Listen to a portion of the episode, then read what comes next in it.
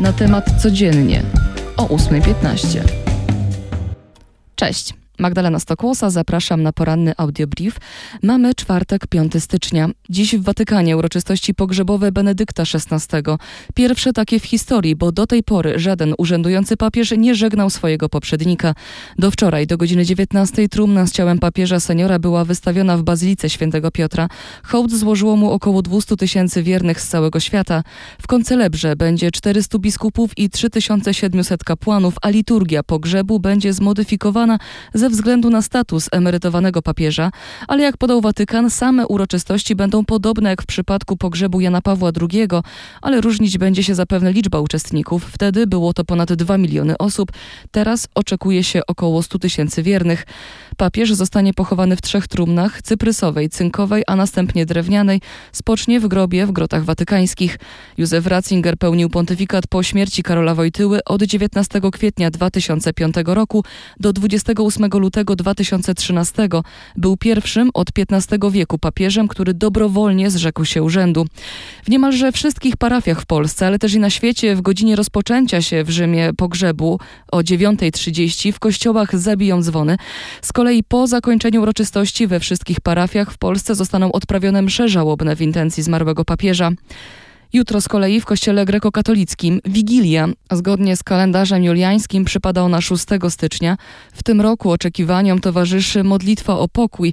Dla wielu przybyłych do naszego kraju Ukraińców będzie to pierwsza Wigilia poza domem. Wspólnoty grekokatolickie zwracają się szczególnie do nich, by przyszli na wspólne Wigilie organizowane innymi w wielu parafiach, tak by nikt tego dnia nie czuł się sam. Zmieniamy temat. Przed nami pierwszy w tym roku długi weekend. Służby ostrzegają i zapowiadają, na drogi wyjedzie więcej patroli drogówki i to już od dziś. Mundurowi uczulają na zmienność warunków na drodze, ale też i na ograniczenia prędkości. Tylko od początku tego roku, a mamy dopiero 5 stycznia, przypomnę, doszło już do ponad 115 wypadków, a policjanci zatrzymali niespełna tysiąc nietrzeźwych kierujących. Najwięcej 2 stycznia, aż 410. Czas na sport. Rozpoczyna się ostatni z czterech konkursów turnieju czterech skoczni. W Bischofshofen odbędą się dziś kwalifikacje. Przystąpi do nich sześciu Polaków. Po trzech zawodach nadal prowadzi Halvor Egner Granerud, który ma aż przeszło 23 punkty przewagi nad Dawidem Kubackim. Norweg wygrał oba konkursy w niemieckiej części turnieju, ale Kubacki był wczoraj najlepszy w Innsbrucku. Mamy nadzieję dziś na powtórkę oczywiście. Początek kwalifikacji o 16.30, a jutrzejszy konkurs rozpocznie się o tej samej porze. A jak burza idą nasi tenisiści w United Cup. Pokonali wczoraj ekipę Włochów i awansowali do półfinału turnieju drużyn mieszanych w Australii. Decydujący punkt zdobyli w mikście Iga Świątek i Hubert Hurkacz, którzy pokonali Camille Rosatello i Lorenzo Musettiego. Polska o prawo gry w finale zagra teraz ze Stanami Zjednoczonymi. Półfinały zaplanowano na jutro i na sobotę w Sydney. Finał będzie w niedzielę. Pozostając przy tenisie, to niestety Kamil Majchrzak z wynikiem pozytywnym testu antydopingowego próbki B.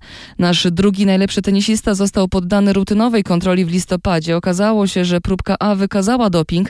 W jego organizmie były środki poprawiające wydolność.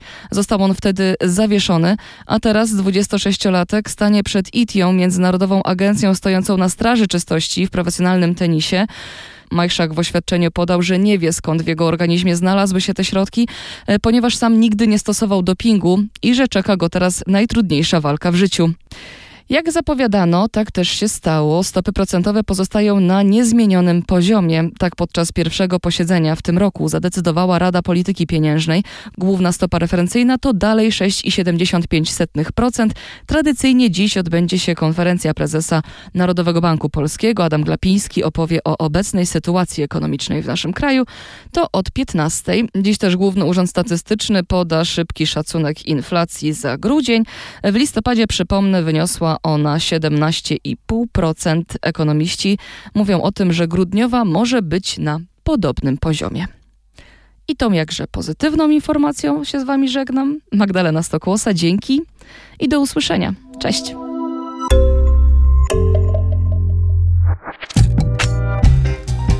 Na temat codziennie o 8.15.